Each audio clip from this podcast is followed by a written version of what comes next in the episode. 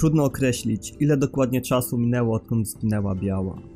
Jeszcze trudniej stwierdzić, co stało się z ostatnim czarnym chłopcem z Jorchy, lub gdzie teraz znajduje się ciało modelu o nazwie kodowej Jona. A2 obudziła się nagle, leżąc jedynie na kawałku gruzu z zawalonego budynku. Próbowała podnieść swoje ociężałe po upadku ciało, kiedy nagle zobaczyła poda 042, który pojawił się jak gdyby nigdy nic. Naturalną koleją rzeczy było, że A2 postanowiła pozbyć się niechcianego gościa, jednak ten odmówił jakiegokolwiek odstąpienia od jej boku. Było to spowodowane faktem, że umierająca 2B wydała podowi 042 rozkaz pełnego wsparcia modelu A2 do czasu, aż jej funkcje ustaną. Tym samym A2 była skazana na nowego kompana. Chciała się dowiedzieć, czym są ów dziwne białe wieże. Jednak jedyne co otrzymała to krótką odpowiedź nie wiem. Więc nie przejmując się niczym wyruszyła w podróż w celu wykonania jedynej słusznej misji zniszczenia każdej maszyny, jaka stanie jej na drodze. Pod 042 przyjął jej zadanie jako swoje własne i podczas skanu okolicy w poszukiwaniu maszyn odkrył, że na pustyni znajduje się potężniejsza forma maszyny, nazywana Goliatem. A2 nie lubiła, kiedy ktoś jej rozkazywał i czuła się zaatakowana tym, co powiedział pod 042, który w swojej obronie stwierdził, że nie jest jednostką zdolną do wydawania rozkazów, a jedynie daje drobne sugestie odnośnie kolejnych działań. A2 wrzasnęła, żeby pod 042 zamknął się i trzymał od niej na odległość. Po czym udała się w stronę pustyni, mordując przy tym każdego demona z zardzewiałej blachy, jakiego spotkała na swojej drodze. Nie wierząc, że posłuchała się kawałka blachy nieposiadającego nawet ludzkiej twarzy. Kiedy dotarła na miejsce jej oczom objawił się on. Goliat, który wyglądał jak skupisko innych Goliatów, z którymi 2B już niegdyś walczyła przed obozem ruchu oporu. Pod 042 zaproponował A2, że zostanie jej bronią do walki na dystans, albowiem starsze modele bojowe Jorchy nie posiadały na wyposażeniu żadnej broni dalekiego zasięgu. A2 ostatecznie przyjęła ów opcję rzuciła się na przeciwnika z furią godną wściekłej wilczycy. Niestety walkę utrudniał fakt, że maszyna przy każdym swoim ruchu wzbijała w powietrze tumany piachu, co uniemożliwiało skuteczną walkę, albowiem nie dość, że widoczność była marna, to piach dostawał się w miejsca, do których nie powinien się dostać. Wtedy A2 postanowiła zrobić to co zwykle. Aktywowała obwody odpowiedzialne za stymulowanie efektu adrenaliny, przez co osiągnęła stan, który dla nowszych modeli Jorchy był nieosiągalny. Wszystko to z powodu, że aż tak ogromne obciążenie systemu i wnętrza androidów mogło doprowadzić do samoczynnego wybuchu o sile niewielkiej bomby atomowej. Walka jednak nie zakończyła się tak szybko jak zakładała A2. Maszyna nagle podzieliła się na kilka mniejszych form mechanicznych, po czym aktywowała puls elektromagnetyczny małego zasięgu, który wyłączył część procesów A2, sprawiając przy tym, że upadła ona bezwładnie na ziemię. A2 próbowała zrestartować swoje systemy w celu ponownego i jak najszybszego powrotu na pole walki. Podczas tego krótkiego czasu nieprzytomności w jej głowie powracały wspomnienia z dawnych lat. Nie tylko jej oraz należące do 2B, ale też jakieś dziwne, obce. Zupełnie jakby pamięć maszyny została zespolona z jej własną podczas użycia pulsu elektromagnetycznego. Przybrały one postać dziwnego, rozpikselowanego dziecka, które jedyne co robiło, to wołało własną matkę. A2 postanowiła nie tolerować obcych wspomnień w swojej pamięci i natychmiastowo zabiła wirtualne dziecko jednym uderzeniem, po czym spotykając również 2B, rzuciła w nią swoim mieczem z krzykiem, który wybudził jej systemy. Kiedy rozejrzała się dookoła nie było ani śladu po Goliacie. Nawet skanowanie otoczenia w poszukiwaniu go nic nie dało. A2 uznała, że musiał zginąć w trakcie walki, albo schował się tak głęboko pod ziemię, że obecnie wywabienie go nie odniesie żadnego skutku. W tym momencie pod 042 oznajmił A2, że jej filtr paliwowy doznał uszkodzenia i powinna go wymienić, jeżeli pragnie działać w optymalnym stopniu. Co doprowadziło do podjęcia jedynej słusznej decyzji, czyli udania się w stronę obozu ruchu oporu, w celu sprawdzenia, czy nie zdobędzie tam odpowiedniego zamiennika. W momencie, kiedy dotarła na miejsce, zauważyła maszyny, które zachowywały się jeszcze dziwniej niż normalnie. Zamiast próbować wedrzeć się do obozu ruchu oporu, walczyły one z inną maszyną, delikatnie wyższą od nich i bardziej przypominającą człowieka. A2 bez zastanowienia wymordowała w pień wszystkie mniejsze jednostki, po czym skierowała swoje ostrze w kierunku większej maszyny. Kiedy miała już podjętą decyzję o skróceniu głowy adwersarza, ten nagle się odezwał słowami, żeby A2 nie robiła tego, co zamierza. A maszyna przedstawiła się jako Pascal i powiedziała, że jest pacyfistycznie nastawiona. A2 nie chciała wierzyć, że jakakolwiek maszyna może być pokojowo nastawiona i zrugała Pascal, po czym odeszła od niej w stronę obozu ruchu oporu. Jakimś cudem nie miała ochoty jej zabijać tym razem. Pascal podziękowała, po czym udała się w nieznanym A2 kierunku. A2 udała się natychmiastowo do Anemone, która była zdziwiona i ucieszona zarazem z widoku jaki się jej objawił. Po krótkiej wymianie zdań oznajmiających, że od dłuższego czasu ruch oporu współpracuje z pacyfistyczną wioską maszyn oraz że 2B nie żyje, ale jej wspomnienia znajdują się w A2, Android wraz z podem 042 udają się w stronę wspomnianej przed chwilą wioski, albowiem tylko tam można znaleźć część zamienną, której im potrzeba. Pascal z wielką chęcią przyjmuje A2 w swoje skromne progi, oznajmiając jednak, że chwilowo nie mają wymaganego przez nią zamiennika i że załatwienie go chwilę potrwa. Prosi przy tym A2 o pomoc z drobnymi sprawunkami dla wioski i ruchu oporu. A2 ostatecznie zgadza się na taki układ, po czym zdaje sobie sprawę, że pierwszy raz od dawna nie czuje ona nienawiści do maszyn. Jest to coś dziwnego z jej punktu widzenia, albowiem od dnia stworzenia była zaprogramowana tak, żeby nienawidzić demonów z zardzewiałej blachy. Zupełnie jakby wspomnienia 2B wpływały na nią w większym stopniu niż mogłoby się zdawać. Kiedy ostatecznie otrzymała już zamiennik od Pascal, to obiecała jej, że zrównoważy jej wartość owej części w przyszłości. Pascal oczywiście nie chciała o tym słyszeć, albowiem według niej A2 już dawno zapracowała na ten filtr i nie musiała nic więcej odpracowywać. A2 podziękowała jeszcze raz, po czym udała się do obozu ruchu oporu w celu zainstalowania nowej części i przywrócenia sprawności jej systemom. W tym czasie Pascal została otoczona przez małe maszyny, które pragnęły się z nią bawić. Jednak ona stanowczo odmówiła, przypominając im, że teraz mają inną pracę domową do wykonania. Ale jak tylko zrobią to, co miały zadane, to Pascal będzie się z nimi bawiła cały Boży dzień. Chociaż w obwodach logicznych Pascal wiedziała, że Bóg jest martwy, to i tak postanowiła wpoić wiarę, jak i inne ludzkie emocje w młode maszyny. A dwa w końcu była w pełni sprawna. A co za tym idzie, Natychmiastowo wróciła do mordowania znajdujących się blisko obozu ruchu oporu maszyn. Nie odpuszczała żadnej, nieważne czy była mała, średnia czy ogromna. Jej beztroską zabawę przerwała nagła wiadomość od Pascal, sugerująca, że w wiosce pokojowo nastawionych maszyn doszło do tragedii. Zanim jednak A2 udało się dowiedzieć co dokładnie zaszło, komunikacja z nią i wioską została przerwana, więc jedyne co jej zostało, to udać się tam osobiście i sprawdzić o co tak naprawdę chodzi. Kiedy A2 dotarła na miejsce, jej oczom ukazał się widok rodem z najokrutniejszego horroru. Cała wioska pacyfistycznie nastawionych maszyn płonęła żywym ogniem. Dla jednych było już za późno, albowiem ich ciała zostały rozerwane na strzępy, a inne dopiero co zaczęły uciekać. A2 przez chwilę zastanawiała się, kto mógłby dopuścić się takiego występku, po czym zauważyła, że były to inne maszyny. Przynajmniej tak jej się wydawało, kiedy była świadkiem jak mniejsze jednostki rozrywają na strzępy i zjadają żywcem te większe, śmiejąc się przy tym jak szalone i ignorując odgłosy, wydawałoby się ludzkich emocji, płynących od ich pobratyńców, a w ich oczach widać było kolor karmazynowy, sugerujący, że przekroczyły granice bez powrotu. Nagle pojawiła się Pascal, która przedstawiała sytuację A2. Jednak Pascal udało się jakimś cudem uratować grupkę dzieci z wioski i odprowadzić ich do opuszczonej przez ród ognia fabryki. A2 krzykiem zmusiła Pascal do odwrotu, po czym sama dobyła swojej broni i udała się w sam środek piekła. Mordowała wszystkie maszyny, które wykazywały nawet najmniejszą agresję. Niestety nie czuła tego co zwykle. Nie przepełniała ją radość zniszczenia maszyn, a jakaś dziwna pustka i smutek. Ostatecznie została sama na placu boju, zakomunikowała Pascal podczas rozmowy po bitwie, dodając, że nie była w stanie nikomu pomóc i od teraz Pascal i dzieci są jedynymi pozostałymi przy życiu pacyfistycznymi jednostkami.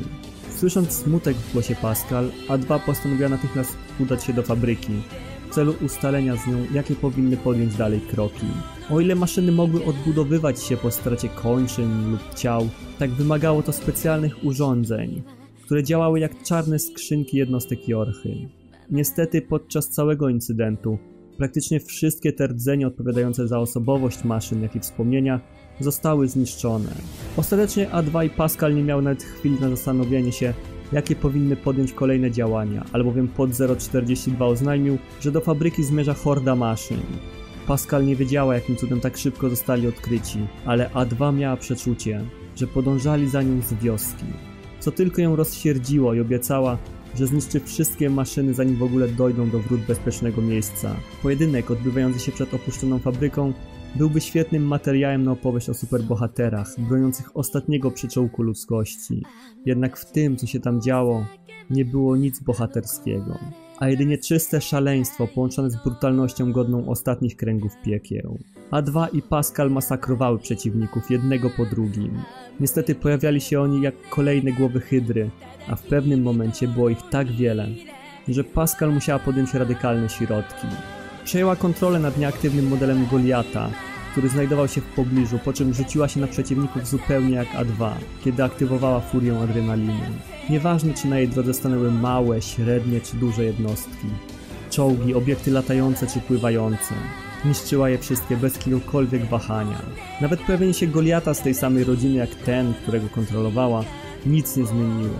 Rozerwała go na strzępy kawałek po kawałku, aż na polu bitwy została tylko jedna zwycięska strona. A2 bez większej zwłoki udała się z nią do miejsca, gdzie od teraz miała powstać nowa, lepiej chroniona wioska maszyn. Nie spodziewali się jednak tego, co tam zastali. Wszystkie dzieci były martwe. Nie zabiły ich wrogo nastawione osobniki, lecz ich własne, małe i jeszcze słabe dłonie. Poprzebijały one własne rdzenie, co w bardzo szybki i bezbolesny sposób zakończyło ich życia. A2 nie rozumiała, co tutaj dokładnie zaszło, ale Pascal wiedziała aż za dobrze. Jej własne nauki doprowadziły do tego stanu rzeczy. Wszystko to wina tego, że jako prace domowe Pascal kazała uczyć się maszynom na temat ludzkich emocji. Miało to pomóc im w pełni zrozumieć postępowanie starych lokatorów tego świata oraz ochronić ich w razie niebezpieczeństwa. Kto mógł jednak przewidzieć, że nauczenie ich strachu doprowadzi do takiej tragedii, gdzie dzieci wolały odebrać sobie życia, zamiast poczekać na rozwój wydarzeń. Pascal była zdruzgotana. Tym samym poprosiła A2 o zdecydowanie o jej życiu. Chciała, żeby A2 zabiła ją albo skasowała jej pamięć wedle własnego uznania. A2 rozważała opcję bardzo dokładnie, albowiem zabicie jej oznacza koniec jakiejkolwiek szansy na ponownie spotkanie pacyfistycznych maszyn. Wykasowanie pamięci natomiast oznaczało, że Pascal może spróbować w przyszłości powtórzyć próbę stworzenia oazy spokoju, nie wiedząc o tym, że już raz zawiodła. Gdyby była człowiekiem, to prawdopodobnie postanowiłaby po prostu odejść, dając Pascal czas na ochłonięcie i spróbowanie zwalczenia tych wszystkich negatywnych uczuć. Jednak A2 nie była człowiekiem i postanowiła zrobić to, co uważała za słuszne. Wykasowała na pamięć Pascal, a kiedy bezwładne ciało maszyny upadło na ziemię, ona odeszła zupełnie jakby chciała całkowicie zniknąć z życia robota. Kiedy 9S obudził się, jego oczom ukazał się znajomy widok. Były to Devola i Popola, które przywitały go z uśmiechem oznajmiając, że spał dobre dwa tygodnie od momentu jak go znalazły. Kiedy 9S zapytał ich, gdzie znajduje się 2B, modele DEV podpowiedziały, że sygnał z jej czarnej skrzynki zniknął, co oznacza, że już nigdy jej nie zobaczą.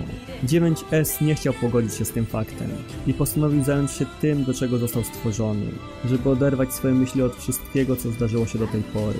Poprzysiągł sobie jednak, że wymorduje wszystkie maszyny, a kiedy tylko skończy, to wypatroszy A2 jak rybę, czerpiąc przy tym jak najwięcej satysfakcji. Najpierw jednak postanowił udać się do miejsca, w którym niegdyś odkryli ślady kosmitów i walczyli z 2B przeciwko ogromnemu Goliatowi.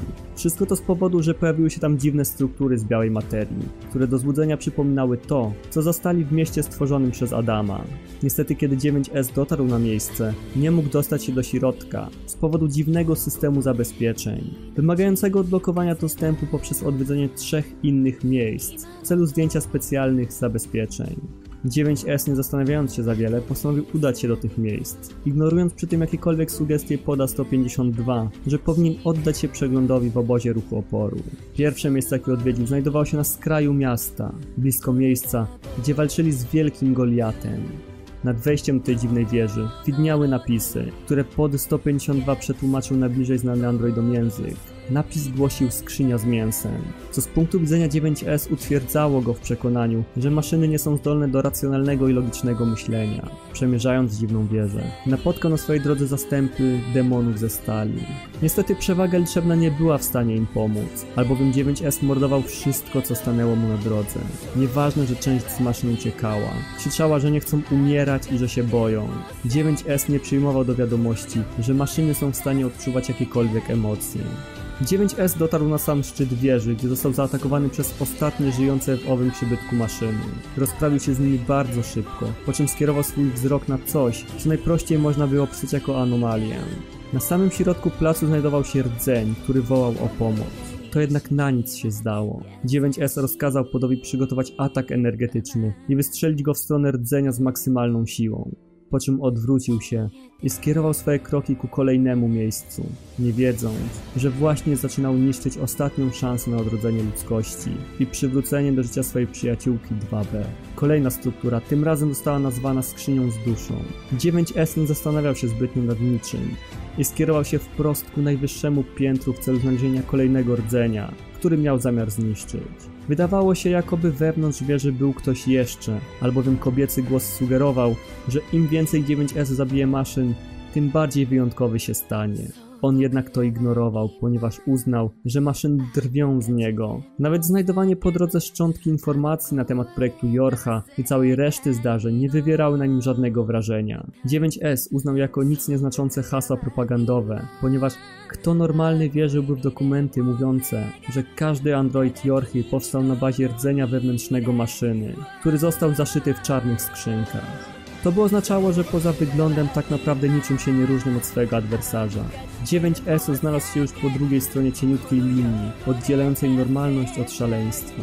Wszystkie zdarzenia, jakie przeżył dotychczas, doprowadzały go do załamania, a fakt, że widział śmierć 2B, nie pomógł w poprawie jego stanu psychicznego.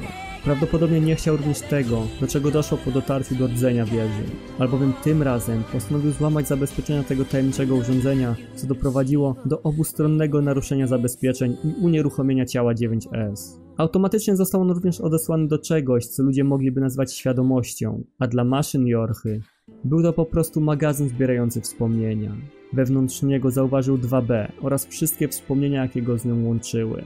Kiedy nagle wszystkie wspomnienia o 2B zaczynały być wymazywane, a przed nim objawiła się dziwna, rozpikselowana osobistość, przypominająca Kalila. Podczas walki z nim 9S nie pozwalał przeciwnikowi nawet na chwilę odpoczynku. Atakował go barażem ciosów do momentu, aż przeciwnik nie był w stanie się podnieść, po czym nachylił się nad nim i zaczął wbijać w niego miecz, krzycząc, że to są jego wspomnienia i nie ma prawa ich kasować. Nagle ciało adwersarza zmieniło się w to 2B, ale 9S nie przestawał je masakrować. Ocknął się dopiero wtedy, kiedy załamanie nerwowe wyciągnęło go z jego podświadomości, a on stał nad rdzeniem maszyn i śmiał się szaleńczo.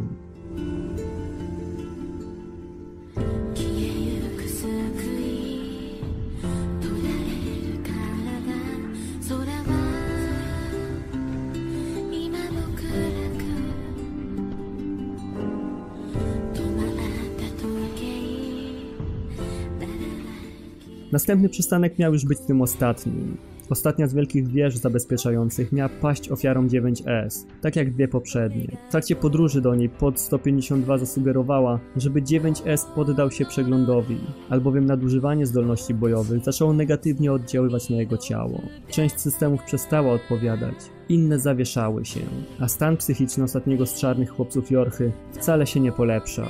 Ostatnia struktura, nazywana pudełkiem bogów, wyłoniła się w samym środku ogromnego pacyfistycznego parku rozrywki maszyn, którym teraz nie było bezpiecznie. Wszystkie jednostki znajdujące się w tym miejscu oszalały, co 9S nie przeszkadzało. I tak planował zamordować wszystkie maszyny, nieważne od ich stanu. Przemierzał piętra wieży w pośpiechu, mordując wszystkie maszyny na swojej drodze, aż dotarł na samą górę. Kiedy był już bliski swojego celu, nagle na scenę wkroczyła znajoma mu osoba. Była to jego operatorka, której oczach dostrzegł karmazynowy błysk. Znowu został zmuszony do walki z dawnymi kamratami. 9S miał nadzieję, że uda mu się ją obezwładnić, po czym wykasować wirus trawiący jej oprogramowanie, więc podjął nierówny pojedynek. Szczęk stali, odgłosy pocisków były wturowane poprzez słowa operatorki o tym, jak jedynie czego pragnęła to założyć rodzinę i żyć w spokoju z dala od koszmaru wojny. Operatorka 2.1O, przemianowana na model bojowy 2.1B, nie była szczytem myśli technicznej, jeżeli chodzi o walkę, jednak górowała nad 9S z powodu, że była sprawna, a jego ciało coraz bardziej odmawiało posłuszeństwa. Kiedy walka miała już się zakończyć, nagle znikąd pojawiła się A2, która dowiedziała się o owym miejscu z dziwnych komunikatów Białej Wieży. Wraz z jej pojawieniem w ciele 2.1OB znalazło się jej ostrze, przebijające jej ciało w krytycznym punkcie. Po czym kiedy operatorka upadła, A2 dobiła ją jak niegdyś Dito wyładowywał swoją złość na piątce.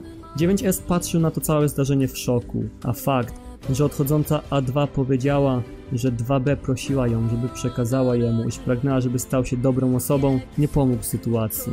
Jedyne co uratowało ich od konfrontacji to pojawienie się maszyny, którą A2 musiała się zająć. Zabiła demony z blachy, po czym zniknęła, zostawiając 9S w bezpiecznym miejscu, który wybudził się dopiero po kilku godzinach. Zanim jednak postanowił udać się z powrotem do miejsca, do którego nie miał dostępu, chciał sprawdzić jak wygląda sytuacja w pacyfistycznej wiosce Pascal. Jedyne co tam zastał to pustkę i ciszę, przerywaną przez delikatne słowa jego przyjaciółki.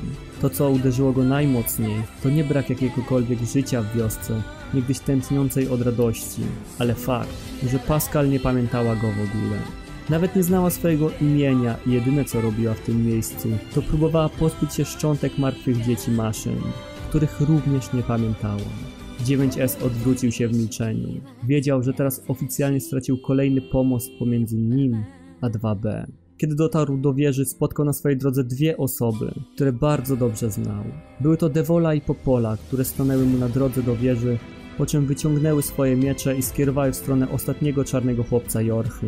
9S nie wiedział jak powinien to odebrać. W ich oczach nie było karmazynowego blasku pierwszej intonerki znanego tutaj jako wirus logiczny. Nie zdążył nawet zareagować, kiedy modele DEV porzuciły się w jego stronę.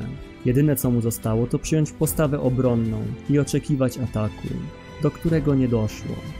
Defpo przebiegły obok 9S i szybkimi cięciami zlikwidowały znajdujące się za nim maszyny, krzycząc przy tym, że 9S powinien teraz próbować złamać zabezpieczenia wieży, kiedy one będą odciągały uwagę wrogu. 9S nie czekając zbytnio rzucił się do wejścia i próbował złamać jego zabezpieczenia. Na nic się to jednak nie zdało, był za słaby.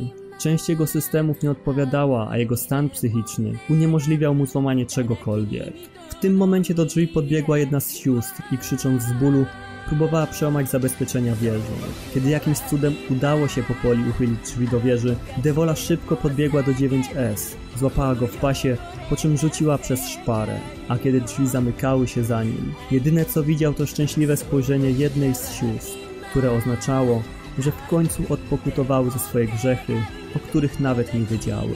Tak zwinęły ostatnie modele DEFCO, androidy stworzone do nadzorowania projektu Gestalt Replicant, które myślały, że zawiodły, nie wiedząc, że było całkowicie odwrotnie.